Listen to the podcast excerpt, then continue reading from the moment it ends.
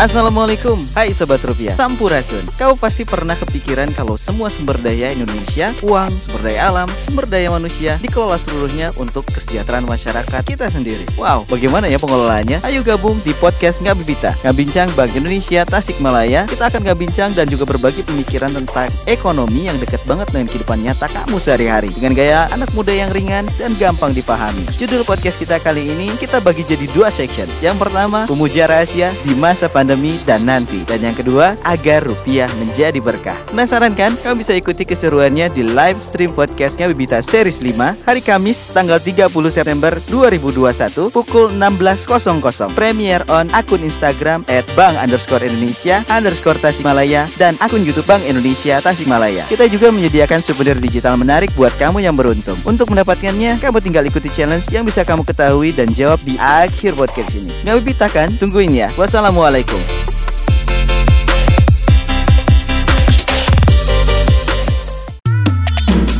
Jangan ke mana-mana, tetap di podcast Ngabibita.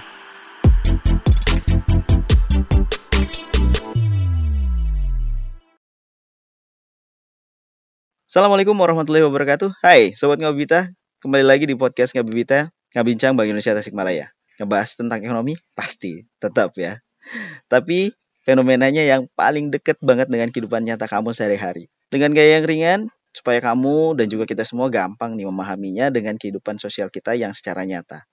Podcast kelima ini kita ambil tema besarnya adalah kalau sumber daya manusia dan juga sumber daya alam dan juga uang di Indonesia itu kita kelola. emangnya berat banget ya kita ngobrol hari ini. Oke, kalau misalkan kita kelola sendiri buat kesejahteraan masyarakatnya kita, itu keren banget pasti ya. Pernah pasti kan kepikiran sama kamu mungkin pas waktu kongko-kongko ngobrol ngopi bareng kecetus tuh obrolan kayak gitu. Nah untuk seri kita kelima ini kita bagi jadi dua sesi. Yang sesi pertama pasti pernah banget kamu rasain. Pemuja rahasia di masa pandemi dan nanti. Kamu pasti pernah jadi pemuja rahasia ya pas waktu SMA kuliah dan sekarang kamu jadi pemuja rahasia lagi. Gara-garanya adalah kamu pengen belanja banget nih.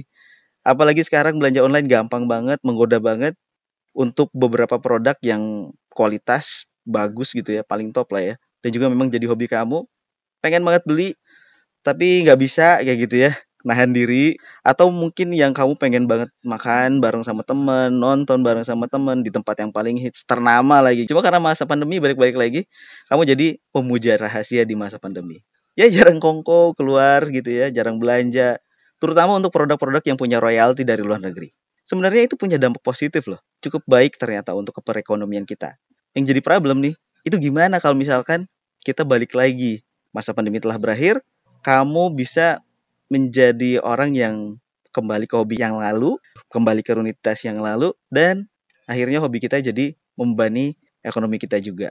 Sebenarnya ini bisa menjadi potensi kita sebagai pemuja rahasia, termasuk aku juga ternyata ya pemuja rahasia di masa pandemi. Jarang belanja ya. ya, bisa dioptimalkan keinginan hobinya dengan potensi-potensi lokal yang memang nggak kalah produknya dari luar negeri. Oke, kita bincang dulu pertama dengan Kepala Perwakilan Bank Indonesia Tasikmalaya dengan Bapak Darjana. Punten Pak, bagaimana tentang perekonomian kita terakhir-terakhir ini? Jadi uh, Bapak Ibu yang kami hormati, Alhamdulillah ekonomi di triwulan 2 rilis BPS secara nasional dan Jawa Barat tumbuh sangat tinggi kalau melihat dari kondisi pandemi ini di antara angka 7 dan 6 persen. Nah di Priangan Timur yang mewakili lima kabupaten kota, kami memperkirakan arahnya sama, cukup tinggi namun di bawah angka nasional dan Jawa Barat dengan sektor uh, pertanian yang menjadi sektor utama di Priangan Timur terbesar secara secara share 25% kue ekonomi Priangan Timur berasal dari pertanian dan dari sisi pengeluaran 76% berasal dari konsumsi rumah tangga. Nah, jadi dua faktor ini pertanian dan konsumsi menjadi kontributor terhadap atau pendorong ekonomi. Namun kita lihat pertumbuhannya terus mengalami perlambatan sehingga ini merupakan tantangan bagi kita semua khususnya Priangan Timur di mana pertanian perlu ada dorongan baik itu petani milenial maupun investasi sehingga pertumbuhan sektor pertanian bisa kembali tumbuh uh, akseleratif. Nah, kita masuk ke data current account atau transaksi berjalan. Kita sama-sama ketahui di grafik ini uh, sampai dengan triwulan 1 tercatat uh, transaksi berjalan kita negatif. Di situ terlihat minus 1 miliar US dollar triwulan 1. Itu tandanya bahwa pengeluaran secara nasional untuk impor, baik itu barang jasa dan primary income dan secondary income-nya, lebih banyak keluar daripada kita menerima, sehingga uh, tercatat defisit atau current account defisit. Kalau kita lihat di sini sebetulnya kalau dari sisi neraca barang itu biasanya positif, artinya ekspor barang kita lebih tinggi daripada impornya. Tapi kalau dari sisi jasa itu biasanya tercatat defisit. Dan kalau hanya melihat neraca barang dan jasa, sebetulnya transaksi berjalan kita masih positif. Tetapi untuk pendapatan primer yang merupakan balas jasa dari investasi berupa dividen yang direpatriasi ke luar negeri, maka keronkan kita langsung jatuh menjadi defisit dan tidak terolong oleh pendapatan sekunder yang berasal dari remitansi tenaga kerja Indonesia. Jadi secara umum transaksi berjalan kita mengalami defisit dan itu persisten dari sudah sejak lama terutama setelah pasca krisis. Dan ini merupakan isu utama kita hari ini juga bagaimana bisa keluar dari atau minimal mengurangi ketergantungan dari barang impor tadi agar tekanan pada uh, defisit current account itu menjadi berkurang. Kemudian untuk Jawa Barat, alhamdulillah sebetulnya bahwa impor itu mayoritas 75% atau 3 per 4 impor itu bahan baku. Uh, mungkin jalan keluarnya adalah bagaimana substitusi impor agar bahan baku bisa tergantikan oleh uh, barang domestik. Ini persoalan lama tergantung pada teknologi dan kesiapan sumber daya manusia. Ya, turun nuhun Darjana. Hmm, ternyata kita neraca belanjanya masih negatif nih ya. Karena balas jasa ke luar negeri dari produk yang kita konsumsi nih teman-teman. Terus juga sobat rupiah, ternyata kalau misalkan kita bisa mengalihkan konsumsi bahan bakunya kita ataupun mengalihkan beberapa produk yang memang produksinya menggunakan bahan mentah dari luar negeri dengan bahan dari lokal kita sendiri, mungkin itu bisa membantu kali ya. Oke, kalau ngomongin tentang mengolah produk lokal untuk bahan baku, kayaknya gak gampang ya. Kita perlu investasi nih kayaknya. Mungkin kita bisa tanya sama Bu Noneng kemarin yang sih dari DPMPST Provinsi Jawa Barat. Bu, punten, informasi terkait investasi di Jabar atau mungkin yang potensial di Priangan Timur, mah Bu Noneng? Terima kasih Bapak Ibu sekalian, kalau melihat kondisi umum Jawa Barat uh, sampai uh, terakhir tahun terakhir realisasi investasi tertinggi PMDN-nya alhamdulillah juga di triwulan 4 2020 udah di posisi pertama termasuk semester 1 di 2021. Uh, eh, di masa pandemi ini karena Jawa Barat juga sangat besar PMA-nya, kemudian impor juga sangat besar sehingga uh, akan terdampak lebih cepat, lebih duluan dan bisa kita lihat di triwulan-triwulan sebelumnya di masa pandemi ini Jawa Barat uh, lebih uh, turun, lebih tajam uh, apa namanya uh, pertumbuhannya. Tapi alhamdulillah di triwulan 2 uh, 2021 kita sudah positif 6% dan uh, kontribusi dari investasi lebih dari 2% terhadap uh, pertumbuhan ekonomi Jawa Barat. Dan kalau kita melihat penyerapan dari tenaga kerja, kemudian jumlah proyek, juga realisasi investasi, ada peningkatan secara Y on Y dari 2020 ke 2021. Dan ini memperlihatkan optimisme yang yang meningkat dari para pelaku usaha uh, terhadap uh, apa uh, keberlangsungan usahanya gitu. Sehingga mereka sudah mulai mem membelanjakan terutama untuk capital expenditure-nya ya yang kita catat di LKPM yang kemudian secara akumulasi kita sebut sebagai realisasi investasi. Nah, ini Bapak Ibu sekalian, mungkin kita akan mulai melihat bagaimana Priangan Timur ya. Kalau kita melihat realisasi PMA PMDN sangat kecil ya. Garut 0,060 persen, kemudian yang lainnya hampir tidak ada. Ini adalah laporan dari seluruh uh, investasi yang dikeluarkan oleh para perusahaan. Tetapi perusahaan yang di atas uh, 500 juta itu ya, saya kira sih ada cukup banyak juga ya mungkin uh, laporannya yang yang yang yang yang tidak tidak dilakukan padahal laporan ini merupakan kewajiban dari para uh, penanam modal ini. Nah khusus mengenai Priangan Timur, kita lihat punya potensi yang cukup besar yaitu beberapa yang menjadi isunya adalah ketimpangan wilayah, kemudian konektivitas ya di antara wilayah terutama selatan, selatan, tengah, selatan, utara seperti itu, kemudian juga uh, komoditas dari daerah masing-masing. Kalau uh, nah yang sudah ada mungkin kita mendeteksi dari beberapa potensi yang ada itu ini termasuk di Priangan Timur nih yang fokusnya mungkin lebih ke agrobisnis ya. Agrobisnis kemudian juga uh, water treatment di sana. Kemudian juga selain itu ada potensi untuk renewable energy. Ini sudah ada beberapa investor yang sangat berminat gitu. Kemudian selain itu tentu saja sektor pariwisata mudah-mudahan bisa kita kembangkan sama-sama ya dan juga bisa dipromo mungkin lebih uh, lebih gencar lagi. Ya, hatur nuhun Bu Neneng. Ini inspiratif sekali sobat rupiah. Jadi kebayang kalau misalkan di kita potensialnya pariwisata dan juga agrobisnis bahan bakunya dari kita sendiri. Hmm, luar biasa. Mungkin bisa kali ya kita jalan-jalan nggak perlu jauh-jauh ke luar negeri, cukup di daerah kita sendiri. Tapi kualitasnya sama kayak di luar negeri. Tapi buat mencapai tujuan yang tadi tuh, bisa jadi tempat untuk produksi dan juga bisa untuk berwisata. Kayaknya kita perlu input nih. Mungkin ada masukan dari Bapak Topik Saleh, Deputi Direktur Bank Indonesia Provinsi Jawa Barat. Mangga Pak. Jadi problem utama memang kapasitas ekonomi Priangan Timur uh, masih kecil ya.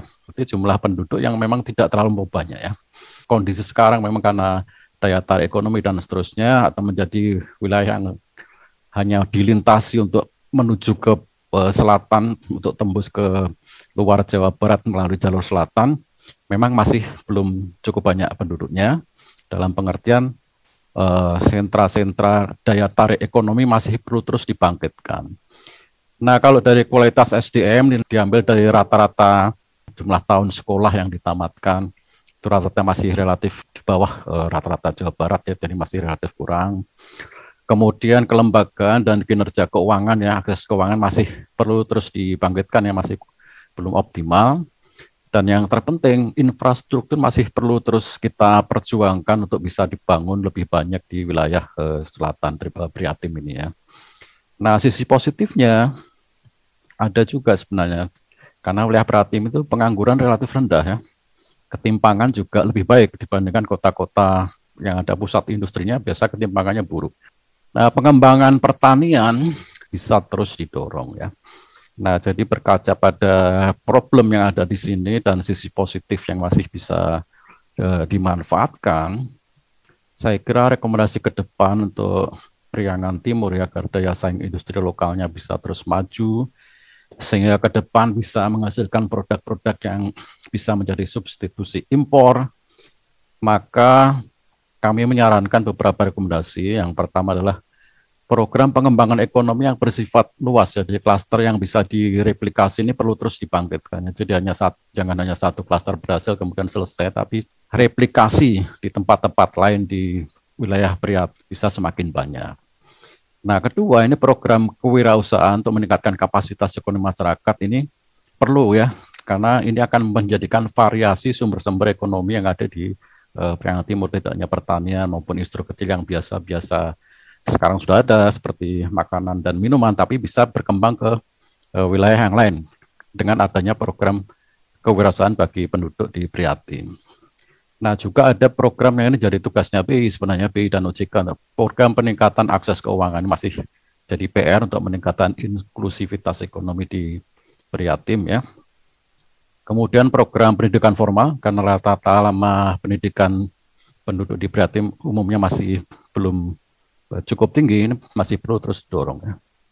Nah, yang penting lagi di rekomendasi kelima, pendidikan vokasi tertentu ini untuk memasuk tenaga kerja untuk industri ini penting. Saya kira mungkin bisa dibangun di wilayah Priangan Timur sehingga otomatis akan menjadi daya tarik sendiri orang akan datang dan ekonomi akan sedikit lebih ramai.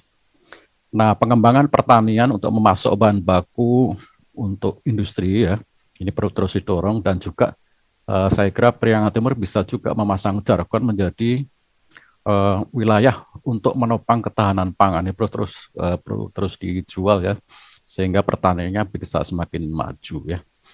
Dan yang terakhir tentunya pengembangan pariwisata uh, tidak boleh dilupakan akan menjadi bagian yang selaras uh, dari pengembangan ekonomi di wilayah Priangan Timur. Terima kasih Pak Taufik Saleh atas masukannya. Jadi secara potensi Priangan Timur punya kesempatan untuk bisa memenuhi produk pendukung industri dari hasil pertanian. Harapannya bisa memperkecil impor bahan baku yang mungkin selama ini sering didatangkan dari luar negeri. Selain itu, coba kamu untuk berpariwisata di Priangan Timur. Karena keindahan alam yang sangat luar biasa, pemandangan yang luar biasa, bisa kamu dapatkan di sini. Gak ada salahnya kan, kamu mengurangi perjalanan ke luar negeri, tapi kamu memperbanyak perjalanan di dalam negeri. Yang pasti dengan tetap mengikuti protokol kesehatan dan anjuran dari pemerintah. Sebenarnya implementasi rekomendasi udah mulai kita lakukan sejak bulan April kayaknya Sobat Rupiah ya. Dengan pelaksanaan pagelaran kreasi Priangan Timur yang kita kasih tema batik dan wisata Priangan Timur. Kita mengajak lima kota kabupaten di wilayah kerja kita. Kabupaten Tasikmalaya, Kota Tasikmalaya, Kabupaten Ciamis, Kota Banjar, dan Pangandaran. Kita bersatu bersama-sama memajukan UMKM yang merupakan salah satu bagian dari industri pengolahan, baik itu makanan, minuman, pakaian, dan juga kerajinan. Serta dikombinasikan dengan potensi wisata di Priangan Timur. Jadi ini sebenarnya udah implementasi ya. Kamu bisa bisa coba untuk kunjungi website Pagelaran Kreasi Priangan Timur di www.pagelaran-kreasi-priangan-timur.com. Kau akan mendapatkan banyak referensi untuk UMKM, industri pengolahan kecil di wilayah kita dan juga bisa jadi referensi untuk kamu jalan-jalan di Priangan Timur. Ayo kita bantu percepatan pemulihan ekonomi nasional dengan bangga buatan Indonesia, belanja produk lokal, dan tentunya berwisata di Indonesia aja agar kita juga berkontribusi dalam pengelolaan cadangan devisa negara kita. Nggak kerasa udah sekitar 15 menit kita nggak bincang di sini dengan tema pemuja rahasia di masa pandemi dan nanti.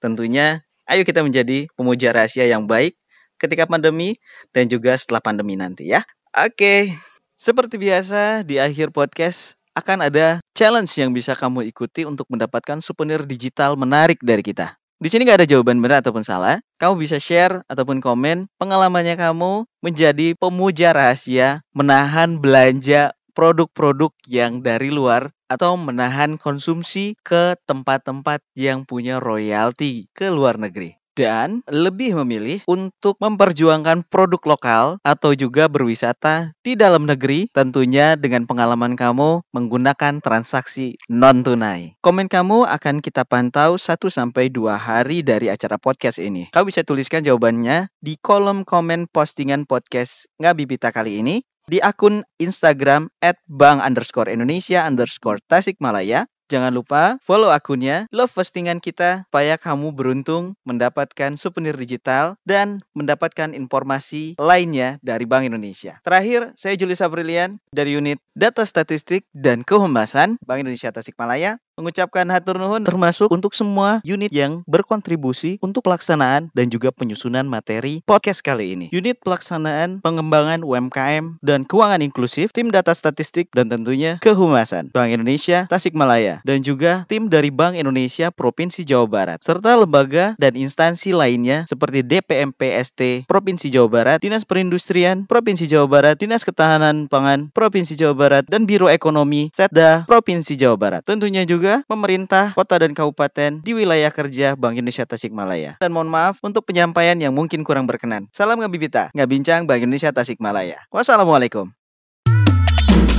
Jangan ke mana-mana, tetap di podcast Ngabibita.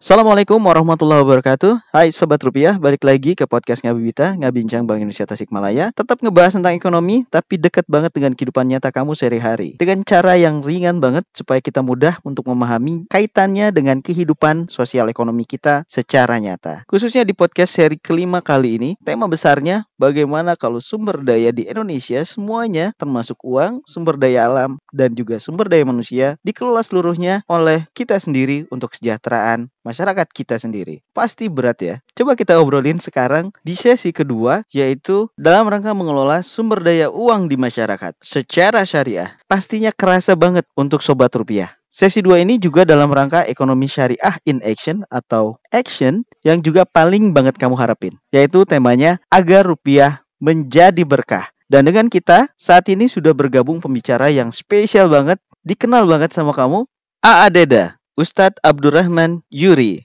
Assalamualaikum Adeda. Waalaikumsalam. Ah, sudah nyambung kita ternyata. Kang Jojo, saya disebut spesial siga martabak we. martabak anu spesialnya Ustadz. Aduh. Oh Ustadz, jadi ini karena materinya oke spesial Ustadz. Jadi ini judulnya teh podcastnya untuk kali ini seri kelima agar rupiah menjadi agar gitu, rupiah, rupiah menjadi jadi berkah. berkah. Mohon. Mantap cerdas nu yang membuat judul ya. Alah. Siga ieu ya banyak. Siga pantun. Iya, Ustadz, uh, mungkin kita uh, sering mungkin dalam beberapa bulan ini ya, dalam rangka pemulihan ekonomi nasional, Ustadz, kita di Indonesia juga mungkin sudah disampaikan juga kebijakan-kebijakan mengenai wakaf uang ya. Nah, itu juga adalah wakaf mungkin tidak lepas juga terkait dengan ZIS ya, zakat, infak, dan sodakoh seperti itu Ustaz. Mungkin bisa berbicara dulu secara garis besarnya terkait ZISWAP ini. Adeda Punten. Iya, Bismillahirrahmanirrahim. Assalamualaikum warahmatullahi wabarakatuh. Waalaikumsalam Alhamdulillah, rekan-rekan, sahabat-sahabat, saudara-saudara yang sedang menyimak dek di mobil, yang di kamar, yang di warung, dek di dapur, kodarullah, kita niatkan dulu karena Allah, karena ini manu spesial yang berkaitan dengan ngabibita dengan Bank Indonesia Tasik Malaya.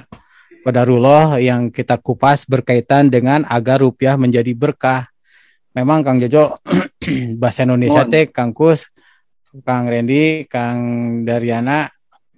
Jadi bahasa Indonesia teh kodalu loh. Ada obat, ada taubat.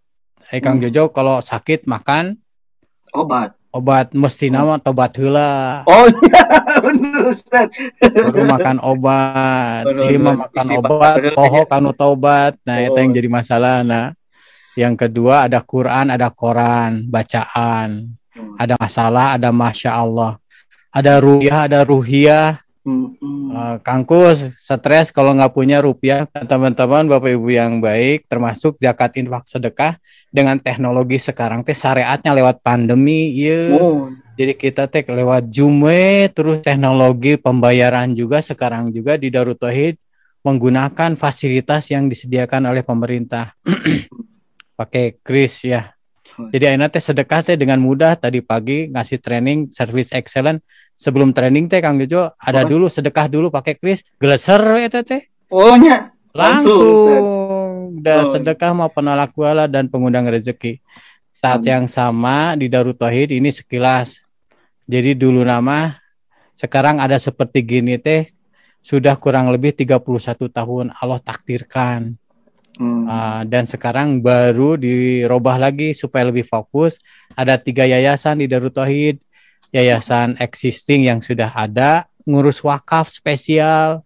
Hmm. Ada yayasan Rahmat Darut Tauhid Rahmatan lil Alamin spesial ngurus ya Kang Dariana ngurus uh, pendidikan dan juga ada DT Peduli yang sekarang ditasik oleh Kang Lutfi. Hmm. Nah saat yang sama Kodarullah ya Pak Fahrudin ikut serta oh. Pak Haji Fahrudin yang menjelaskan tentang bagaimana kondisi wakaf di Darut Tauhid. Oh. Silakan Kang Fahrudin, Ustaz. Ya, alhamdulillah. Bismillahirrahmanirrahim. Assalamualaikum warahmatullahi wabarakatuh. Waalaikumsalam warahmatullahi wabarakatuh. Alhamdulillahirabbil alamin. Allahumma shalli ala sayyidina Muhammadin wa ala alihi wa sahbihi ajmain. Terima kasih Adeda, Pak Kusnadi, Kang Rendi, Kang Jojo dan teman-teman semuanya yang hadir dan yang menyimak di mana pun berada. Ya Alhamdulillah tadi pertanyaannya tentang jiswaf, ya, zakat, infak, sodakoh, dan wakaf. Jadi istilah yang paling populer, yang paling banyak adalah menggunakan istilahnya sedekah. Ya. Nah, sedekah itu ada dua, ada sedekah bil hal, ada sedekah bil mal. Ada sedekah dengan perbuatan gitu. Beri makanya besar uang sayang sayang iya betul. Tapi syaratnya begini harus harus ada harus ada ininya lawannya. Kalau tidak ada lawannya justru itu bermasalah. Nah itu. Jadi kalau senyum ada lawannya itu jadi ibadah tapi kalau senyum tidak ada lawannya jadi masalah nanti dibawa ke Bandung di rumah sakit jiwa. Seserian sorangan. iya gitu. Jadi itu sedekah. Tabas Rasulullah menyampaikan tabas sumuliwa ahika sodakotun. Senyummu terhadap saudara adalah sedekah menyingkirkan duri di jalanan, sedekah. Ada nenek-nenek mau nyebrang ya, kemudian diseberangkan. Itu sedekah, tapi, tapi ditanya syaratnya dulu. Kang Jojo ditanya dulu nek nyebrang itu. Kayak nyebrang. Nenek-nenek pinggir jalan tukang Jojo seberang ke. Karena baru selesai nyebrang diseberangkan lagi kan gitu. ya, ya itu sedekah bilhal dengan perbuatan. Ada sedekah yang namanya sedekah bilmal, sedekah dengan harta. Nah, sedekah dengan harta itu ada dua. Ada yang hukumnya wajib, ada yang hukumnya sunnah. Yang termasuk sedekah wajib apa? Nafaqatu zauj li zaujiha pemberian nafkah seorang suami kepada istri itu namanya sedekah wajib. Kemudian apalagi nadar. Kalau saya hafal juz 30, apalagi 30 juz, nah, maka saya akan sedekah satu juta ke masjid uh, Baitur Rahman atau masjid Darut Tauhid. Hafal juz 30 ataupun 30 juz, maka wajib yang tadinya sunnah menjadi wajib. Dan yang ketiga adalah zakat. Zakat itu adalah sedekah, wajib. Jadi tidak kemudian orang yang bayar zakat banyak itu orang yang berprestasi, bukan karena penuh kewajiban seperti orang yang makan, orang yang makan itu bukan orang yang berprestasi kan begitu. Jadi itu wajib kebutuhan. Nah, kalau orang banyak melaksanakan amalan sunnah setelah wajib, itulah orang yang hebat. Sedekah, sedekah sunnahnya banyak, itu orang yang hebat. Pasti dia telah melaksanakan ibadah yang wajibnya, yaitu zakat. Nah, itu yang wajib. Kemudian sedekah yang sunnah apa tuh infak. Ya, makanya kalau di masjid ini kotak di masjid jangan ditulis kotak sedekah. Nanti orang ketika hari Jumat, ketika kotak lewat hanya senyum saja. Kenapa? Kata Ustadz Fahrudin kemarin senyumnya adalah sedekah hanya kan Jadi, kotak lewat senyum. Itu senyum, Kang Randy torojol sering serengeh gitu. Jadi tabassum li wajhika sedekahun senyummu terhadap saudaramu adalah sedekah. Nah, kembali lagi tadi sodakoh yang sunnah, infak, hadiah, hibah, termasuk di dalamnya adalah wakaf. Nah, wakaf ini merupakan salah satu ibadah istimewa di zaman Rasulullah. Wakaf ini ibadah yang dinanti-nantikan dan diperlombakan. Rasul oh. di dalam Al-Quran menyampaikan, Allah menyampaikan, lantana lul birra hatta tunfiku mimma tuhibbun. Karena kunci orang keimanan seseorang adalah ketika dia mau memberikan sesuatu apa yang paling disukainya. Yang paling disukainya ya adalah harta, uang kan begitu. Nah, ketika dia mau menyisikan uangnya itu termasuk orang yang hebat sehingga Rasul uh, menggunakan istilah wakaf itu bukan dengan kata-kata wakaf tapi sodakotin jariyatin idamat tabnu adam in anhu amaluhu illa min salasin sodakotin jariyatin aw ilmi bi awaladin salihin yad'aulah jadi istilah sodak ataupun istilah wakaf itu menggunakan sodakoh jariah, sodakoh yang nilai pahalanya mengalir sampai kapan? Ila yaumil qiyamah. Kan gitu. Jadi kalau misalkan sedekah dari senyuman itu juga harus ada lawannya. Apalagi sedekah kalau misalkan dalam bentuk uang juga harus ada lawannya. Yang jelas juga tentunya ya Ustadz ya. Betul betul, Insya Allah. Jadi ini juga nih Ustadz kan sekarang udah mulai zaman milenial. Mhm. Nah, bagaimana nih Ustadz untuk siswa di masa milenial seperti ini Ustadz untuk pengelolaannya termasuk juga mungkin media penyampaiannya seperti itu. Ya, saya dulu Ustad, ya biar kebagian. Soalnya nanti ngebrusut Ustad kan saya sing rema. Jadi gini, Bapak Ibu yang baik, rekan-rekan, sahabat-sahabat yang sedang menyimak. Jadi semua teh aya ilmuna. Kenapa orang stres? Karena masalahnya melebihi ilmuna. Kenapa orang tenang? Karena ilmunya melebihi masalahnya. Makanya DBI membuat ngabibita itu supaya merubah persepsi. Ah, persepsi teh Kang Kusnadi. We saya cenah aya mangga tetangga rumah tetangga gede manggana. Atuh kumaha biar saya tanggung jawab naik tak keluar tarekel pas naik keluar pas mau ngambil mangga yang paling gede yang punya rumah keluar eh siapa tuh? Saya pak. Sedang ngapain kamu di atas pohon mangga saya? Sedang ngambil layangan. Buat apa layangan? Buat ngerujak. Nah eta teh jadi persepsinya masih karena persepsinya masih ngerujak. Nah berkaitan dengan uang juga gitu. Kang Randy Dariana jadi uang teh ada lima tahapan. Pertama tidak paham tentang uang. Anak kecil yang pikun yang tulalit yang tadi teh yang se- seri yang tidak ada pasangannya. Halo. Halo. Nuka dua paham tentang uang ngerti dua ribu dua puluh ribu. Eta teh sok patuker dua ribu jeung dua puluh ribu teh. Warna hampir sama. Nuka tilu paham mencari uang kangkus. Jadi sehari-hari teh sibuk teh nyari uang. Banyak banyak di Bandung mah yang minta-minta teh sehari teh dapat tiga ratus ribu sampai lima ratus ribu. Padahal rumah nate gede tapi puluhan tahun dia minta-minta we terus. Karena sibuknya mencari Wah. Uang padahal anaknya ada di Pertamina di ITB Hmm. ya minta-minta juga maksudnya gitu Sugante. sugante sekolah Oh, oh. itu ini buka cabang kantor kas didinya Halo. ya, yang keopat menikmati uang wah saya yang kerja tuh kenapa harus sibuk membagikan kabatur nah yang kelima ini yang kita harapkan dengan acara ngabibita teh berkontribusi kebaikan dengan uang. Nah inilah uang yang jadi jalan pahala. Nah kita teh ke arah sana. Jadi eh, saya nganjurkan dalam bisnis-bisnis juga termasuk dengan BI juga untuk kan ada wirausaha ya di pembinaan wirausaha untuk target bisnisnya bukan omset tapi zakat wakafnya yang dinaikkan. Karena kontribusi ini ya gitulah. Silakan Tad Ya, jadi tadi pertanyaannya apa nih? nah, jadi masalah itu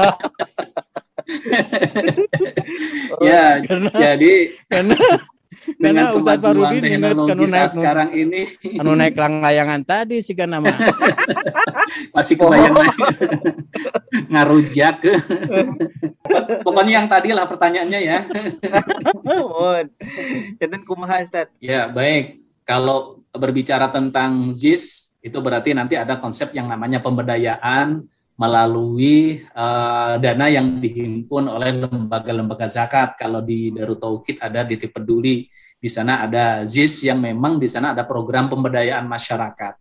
Tapi juga sebenarnya ada program yang memang juga targetnya adalah bagaimana program ini untuk membantu masyarakat itu bisa lebih berdaya dan lebih eh, produktif lagi melalui apa? Ada wakaf uang, ada wakaf dengan uang. Kang Jojo pernah dengar belum? Jadi kalau wakaf uang itu eh, yang diwakafkan itu uangnya, berarti uang itu tidak boleh berkurang nilainya. Kalau wakaf uang misalkan 100 juta, maka 100 juta itu tidak boleh berkurang. Nah, bagaimana agar uang tersebut bisa membawa manfaat untuk umat, maka diproduktifkan. Maka wakaf uang biasanya disebut dengan istilah wakaf produktif. Hasil wakaf produktif tersebutlah kemudian dipakai untuk memberikan beasiswa, untuk misalkan untuk membangun eh, sarana-sarana umum dan lain sebagainya dan sekarang diakomodir oleh pemerintah di eh, jadi di dalam BWI Badan Wakaf Indonesia salah satu poin undang-undangnya adalah mengatur bagaimana caranya wakaf uang ini luar biasa sudah didukung oleh pemerintah. Jadi ini uh, bagi masyarakat, Bapak Ibu yang menyimak acara ini, oh saya ingin uang saya uh, produktif diwakafkan bisa bisa wakafnya berupa wakaf uang. Ada juga yang diwakafkan itu hasilnya misalkan saya punya uang satu miliar nih saya titipkan ke DT Peduli untuk dioptimalisasikan. Nanti hasilnya saya wakafkan.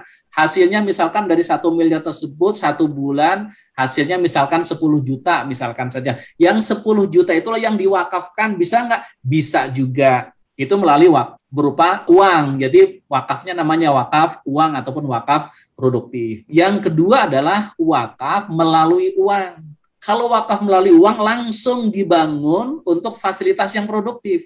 Wakaf tersebut misalkan dipakai untuk membangun perusahaan, tempat-tempat pelatihan, dipakai untuk eh, membangun masjid, musola, madrasah, memberikan beasiswa dan lain sebagainya itu wakaf melalui uang. Jadi kalau sebelumnya di negara kita hanya ada satu yaitu wakaf melalui uang saja, tapi sekarang dikembangkan wakaf uang. Kenapa? Harapannya ini bisa membantu pemerintah mempercepat ekonominya dari dua sisi. Kan orang dulu ketika mau wakaf uang itu kan nggak ada landasan aturannya, kan nggak jadi hmm. akhirnya kan wakafnya wakaf e, melalui uang. Tapi sekarang ada dua cara, wakaf uang dan wakaf melalui uang. Harapannya mudah-mudahan ini menjadi jalan pertolongan dari Allah, saudara-saudara kita yang ekonominya terbatas bisa terbantu. Syariatnya adalah melalui wakaf uang dan wakaf melalui uang. Itu Kang Jojo. Kan saya banyak kanjurkan juga oh, untuk bersikap hemat satu sisi. Oh. Sisi lain belanja yang seperlunya karena oh. kondisi pandemi. Kang Jojo mana yang lebih hemat? Makan dengan ayam atau makan bersama ayam? Asal lebih hemat bersama ayam. ya, tapi ingin lebih hemat makan makanan sehat. Makanan ayam eta yang lebih hemat lagi. Aduh, silakan lanjutkan lagi. iya, Ustaz. Jadi kalau untuk yang tadi belum menyentuh ini, Ustaz. Untuk kemudahan di zaman milenial sendiri, untuk Jiswap ini gimana, Ustaz? Ya, tadi di awal sudah disampaikan oleh Adeda bahwa teknologi ini harusnya membuat kita mudah untuk beribadah, untuk beramal soleh.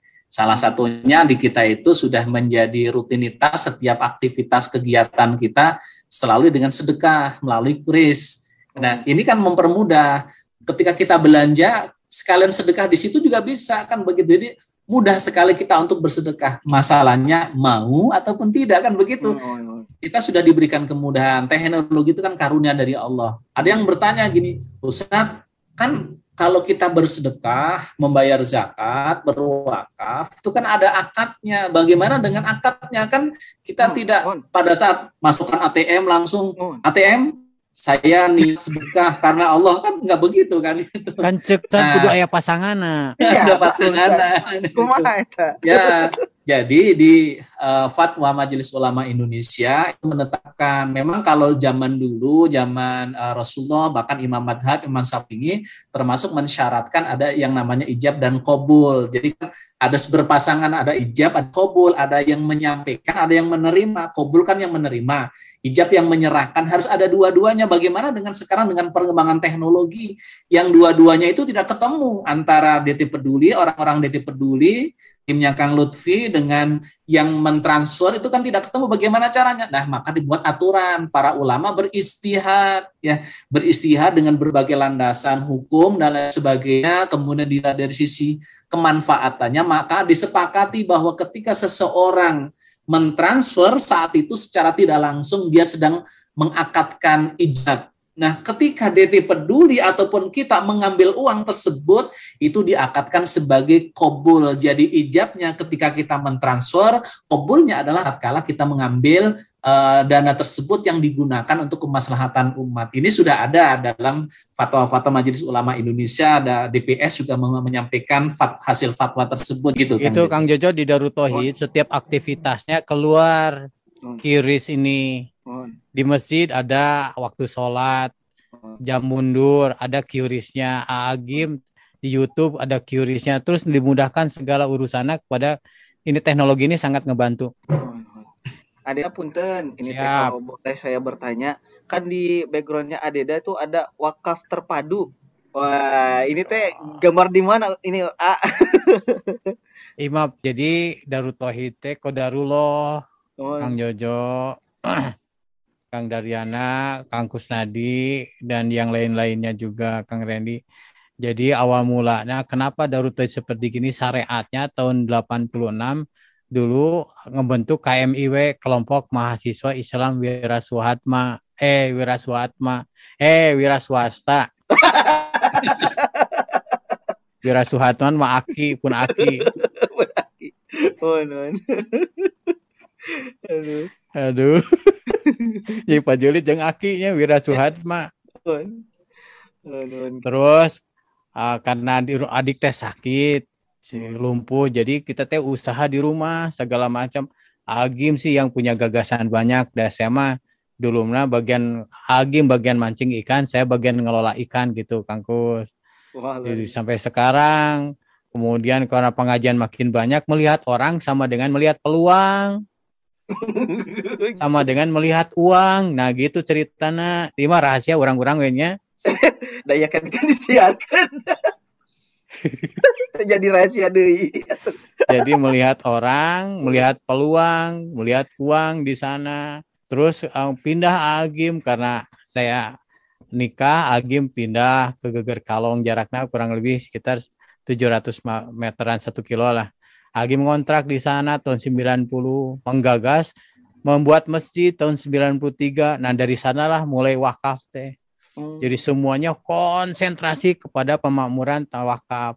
Nah, termasuk wakaf terpadu teh karena segala macam ada aktivitas Hmm. mulai dakwah, masjid, sosial, pendidikan, termasuk usaha Ah, ada cottage, cottage penginapan segala macam, ada toko-toko dipakai untuk bagaimana wakaf produktif Hmm. karena supaya uangnya muter terus dirinya mudah-mudahan banyak nuka cepretan dengan muternya uang teh gitu termasuk tetangga, tetangga masyarakat segala macam.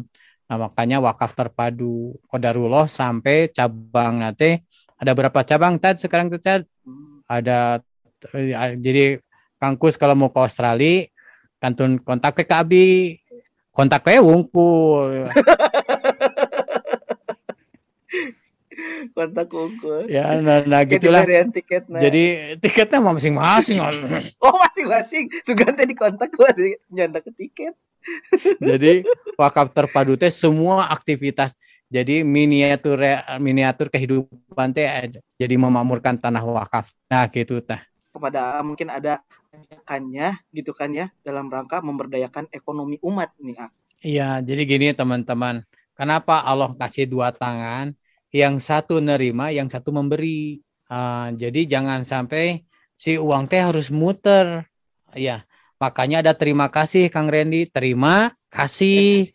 Ah, jadi supaya muter. Kalau muter mah ya berkah. Nah, kenapa hikmah tawaf supaya dinamis kita teh.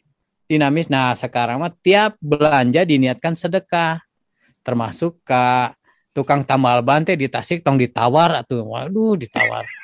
Yang tawar Kang Jojo kalau ban bitu kumaha doana ya Allah segera pertemukan dengan Dengan tukang tambal. tambal ban terus ketemu tambal ban sahanu bersyukur Saya, Ustaz. Ah, ya dua nana jeung Oh, tambal dua ban oke ya Kang Jojo teh alhamdulillah ya tambal ban cek tukang Oh. tambal ban alhamdulillah aya nu Bitu.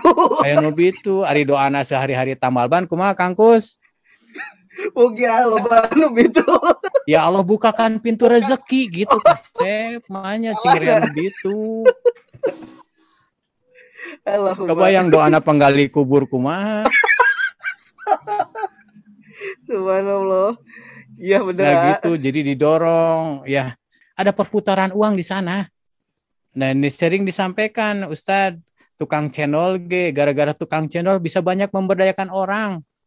Tukang kalapa na, gula na, tarigu na, gelas na. Ayo cendol pakai es teu, Kang Jojo. Pakai. Ente, cendol make C. Cendol Astagfirullahaladzim. Kudu belajar bahasa deui abi euy. Eh, Nah gitu, jadi ber- berwirausaha G bukan keuntungan kita saja yang diprioritaskan, bahkan keuntungan orang lain secara algi mah untungkan orang sebanyak-banyaknya. Hmm. Saat yang sama otomatis uang berputar dan ada berkah di sana. Hmm. Masya Allah, gitu tah teman-teman, Masya Allah. Ya, jadi kalau misalkan kita kembali lagi, berarti tadi untuk terkait wakaf, jadi insya Allah baik yang berwakaf maupun yang menerima wakaf ataupun tadi yang memanfaatkan wakaf, Memakmurkannya. memakmurkan wakaf itu tadi juga akan menerima semua manfaatnya. Seperti itu ya Ustadz ya Ayah. Insya Iya. Allah. Oh, jangan ragu ketika kita ingin berwakaf gitu ya. Terus juga wakafnya kalaupun juga secara online mungkin tadi berhadapannya dengan ATM jangan seri-seri di depan ATM. Tapi kalau mau coba silahkan saja, jangan ragu. Berarti tinggal ini ya. Karena udah ada apa namanya ketentuan-ketentuan yang mendasari untuk kaf, zakat, infak dan juga wakaf melalui online tadi ya atau secara virtual tadi. Alhamdulillah berarti semakin mudah. Mohon. Ini jadi hatur nuhun pada Adeda, kepada Ustadz Fahrudin juga sudah hadir ini di Ngabibita. Mohon. Jadi udah Ngabibita Pak saya jadi untuk berwakaf ini teh. Eh, eta mah atuh. Bahkan gini, Kang Jojo, jadi apa pun yang Allah perintahkan kita dahulukan. Mohon. Zakat, infak, wakaf, sedekah teh diprioritaskan termasuk umroh haji. Mohon. Angkat tangan yang berniat umroh, cing, cung yang berniat umroh. Bagus saya- Kang Reni dan niat mah teu mayar. Nu mayar mah daftar tapi niat dulu minimal. Jadi apa pun ikhtiar kita adalah ikhtiar mendatangkan pertolongan Allah. Eta yang sering Agim sampaikan. Ditulunganku Allah mah pekerjaan sangat rumit, dia jadi ringan. Hmm. Tanpa dengan pertolongan Allah, pekerjaan yang ringan guys sangat jadi sangat sulit karena Allah yang maha kuasa.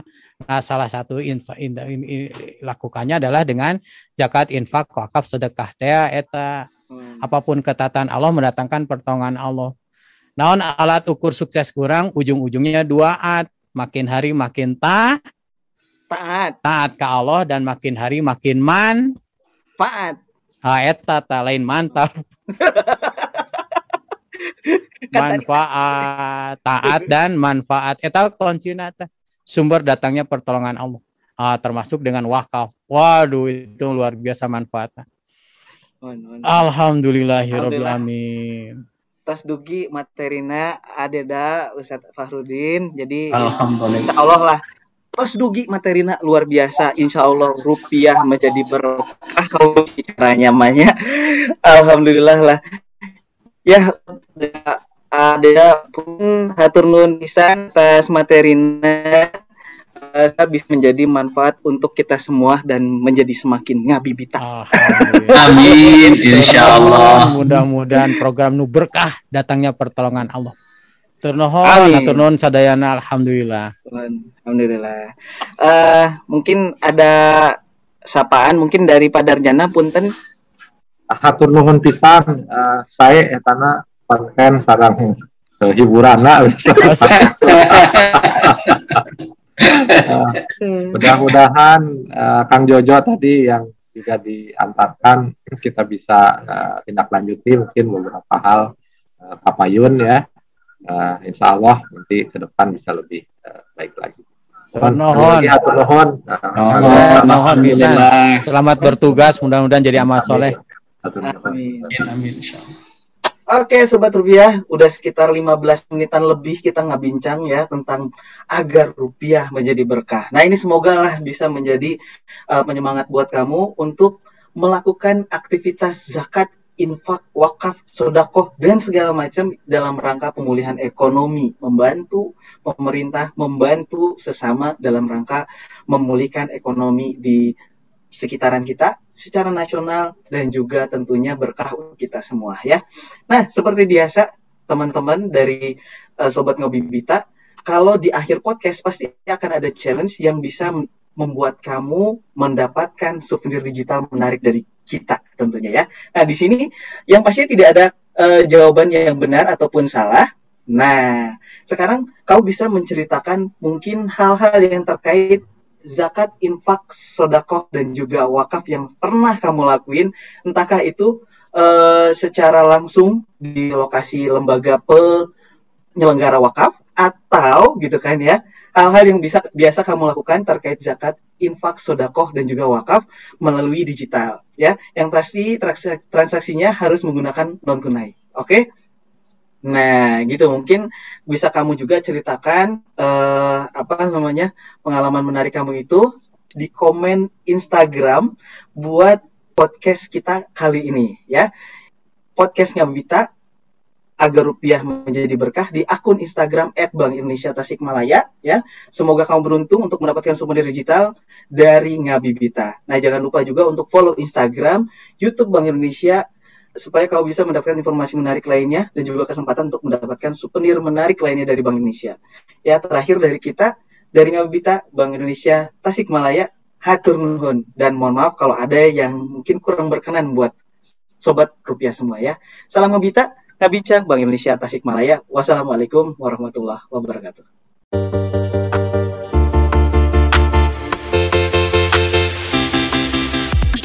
Hatur Nuhun, kamu sudah mendengarkan podcast Ngabibita, Ngabincang Bank Indonesia, Tasikmalaya. Sampai jumpa di series berikutnya. Jangan lupa follow akun Instagram dan YouTube Bank Indonesia Tasikmalaya dan ikuti challenge-nya. Semoga kamu beruntung mendapatkan souvenir dari Ngabibita. Salam Ngabibita, Ngabincang Bank Indonesia Tasikmalaya. Pilujeng Sadayana.